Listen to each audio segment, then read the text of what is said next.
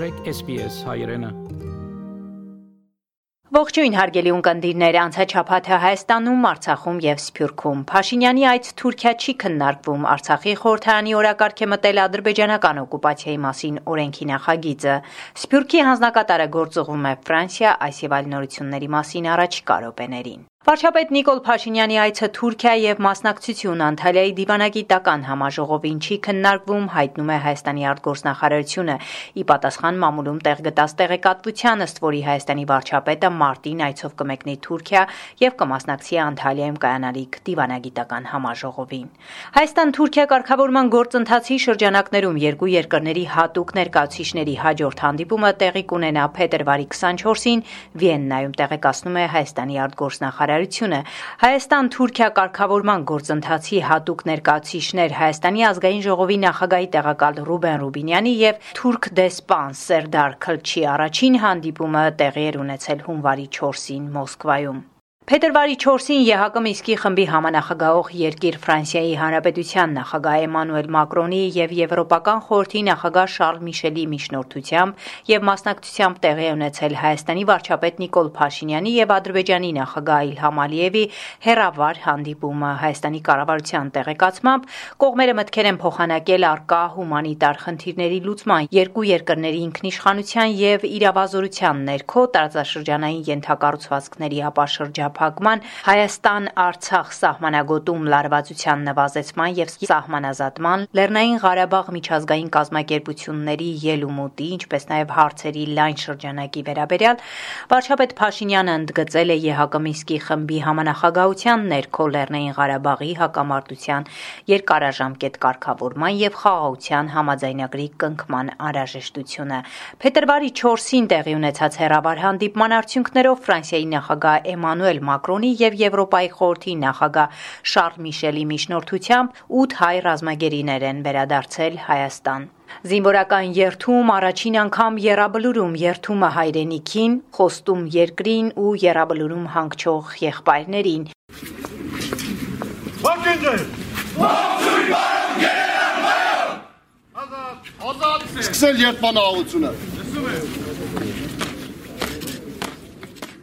Փետրվարի 1-ին ամենայն հայոց կաթողիկոս Գարեգին II-ը հայրապետական այցով մեկնել է Ամերիկայի Միացյալ Նահանգներ, Միացյալ Նահանգներում հանդիպումներ ունեցել Մայրաթոր Սուրբ Էջմիածնի բարերարների հետ քննարկելու Մայրաթորի կողմից իրականացվող ծրագրերը։ Ավստրիայի արտգործնախարար Ալեքսանդր Շալենբերգի հետ Երևանում տեղի ունեցած հանդիպմանը Հայաստանի արտգործնախարար Արարատ Միրզոյանը անդրադառնալով հայ-թուրքական հարաբերություններին նշել է.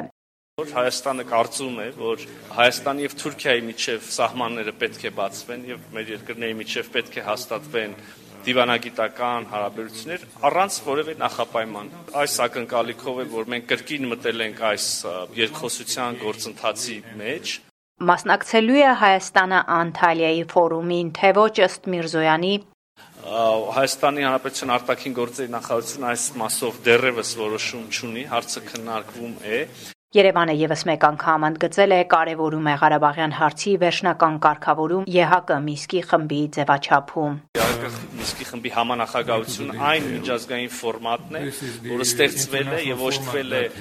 միակ եւ բացառիկ մանդատով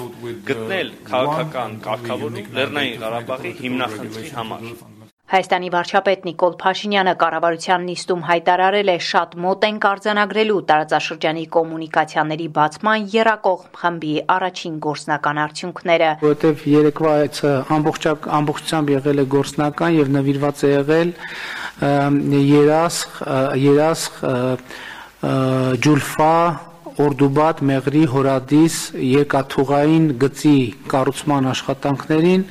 Դուք գիտեք, որ մենք արդեն այդ թեմայով պայմանավորվածություններ ձեռք ենք բերել եւ պայմանավորվածությունների անբաժանելի մաս է հանգամանքը, որ որ մենք պետք է այդ երկաթուղին կառուցենք Արմեն Սարգսյանի լիազորությունները Հայաստանի նախագահի պաշտոնում դադարեցին. Իշխող ուժի կողմից նախագահի տեխնացուն Վահագն Խաչատրյանն է. նա նշել է նախագահը պետք է գտնի կոնֆլիկտները լուծելու ուղիներ եւ ոչ թե կոնֆլիկտներ ստեղծի Խնդիրը, որ դրված է ոչ միայն իմ արժե որպես նախագահի տեխնացու, այլ ընդհանրապես այդ ինստիտուտի նկատմամբ կայանում է հենց դրանում, որ ինքը պետք է անաչառություն լինի, ինքը պետք է հնարավորին չափ համաձայնության եզրեր գտնի եւ ոչ թե կոնֆլիկտներ ստեղծի։ Ինքնանպատակ որևէ գործողություն պետք է չարվի։ Նախագահի ընտրությունները տեղի կունենան մարտին Արցախ Լեռնային Ղարաբաղի ազգային ժողովի օրակարգ է մտել ադրբեջանական օկուպացիայի մասին օրենքի նախագիծ Դաշնակցության խմբակցության ղեկավար Արթուր Մոսյանի խոսքով. Օրենքի անհրաժեշտությունը կա, ինչ որտեղ կարելի ասել այն նաև ուշացած է Ադրբեջանը Թուրքիայի եւ միջազգային հաբեկչական կազմավորումների օգնությամբ պատերազմ սկսելով օկուպացրել է Արցախի հանրապետության տարածքի զգալի մասը եւ այդ իմաստով անհրաժեշտ է որ խոսենք մենք տրանսիրավական կարգավիճակի մասին, մեր հայրենակիցների իրավունքների մասին, կլինի դա կյանքի իրավունք, գույքի իրավունք եւ այլն։ Օրենքը տարածվելու է Արցախի սահմանադրությամբ ամրագրված եւ 2020 թվականի պատերազմից առաջ էլ օկուպացված տարածքների վրա։ Լղիմ հասկացություն մենք ունենք, մենք ունենք Լեռնային Ղարաբաղի Հանրապետություն, Լեռնային Ղարաբաղի Հանրապետության սահմանադրություն, որի 175-րդ հոդվածը ասվում է, որ մինչև մեր տարածքների վերադարձը եւ սահմանների ճշգրտումը հանրային իշխանությունը տարածվում է այն տարածքների վրա, որը գտնվում է մեր իրավազորության ներքո։ Դժբախտաբար պատերազմից հետո մեր իրավազորության ներքո գտնվում են այն տարածքները, որը հիմա կա Արցախի հանրապետության, բզկտված հանրապետության, բայց մնացած տարածքները պետք է ունենան կարգավիճակ Պատգամավորների խոսքով օրենքը նաև գնահատական է այն գործընթացներին, որոնք տեղի են ունենում Ադրբեջանի վերահսկողության տակ անցած տարածքներում։ Մեկ տարուց ավել է մենք անընդհատ լսում ենք կոչեր, որ հravirում են միջազգային կազմակերպությունների կառույցների ներդրումներ կատարելու եւ ինչ որ գործառույթներ իրականացնելու։ Այս իրավական ակտով հաստատում ենք, որ որևէ մեկը, եթե չի համաձայնեցնում հայկական կողմի հետ, ապա համարվում է ոչ իրավաչափ իր գործողություն գործողությունները մեր հայրենիքի օկուպացված տարածքում։ Օրինագիծը կքննարկվի փետրվարի 16-ին, երկրորդ ընթերցումը եւ ընդունումը նախատեսված է Արցախյան շարժման 34-ամյակին ընթരാճ փետրվարի 18-ին։ 44-օրյա պատերազմի օրերին Շուշիի Գորգերի թանգարանից դուրս բերած հավաքածուի ճակատագիրը դեռ անորոշ է։ Հայաստանի կրթության եւ գիտության նախարարությունն առաջարկում է Գորգերը տեղափոխել հայաստանյան թանգարաններ, սակայն թանգարանի հիմնադիր Վարդան Աստատրյանը հանրային ռադիոյի հետ զրույցում ասել է, որ չի համաձայնում այդ առաջարկին։ Ես գնացի նայեցի այդ թանգարանների տեղերը։ Մի քանի հանգամանք կա, որ ես չհամաձայնվեցի դեռ ցուցադրել։ Առաջինը իրենց ունեն իրենց գորգերը, որը չեն կարող ցուցադրեն, իրենց տեղել չունեն այդ ամենը ցուցադրելու։ Երկրորդները իրենց խնդիրներ ունեն պահոցներում հնուց եկած վարակ կան դեղ նոր տնորեններ են նշանակված դեղ, իրենք այդ հարցը հիմա ուզում են լուծեն։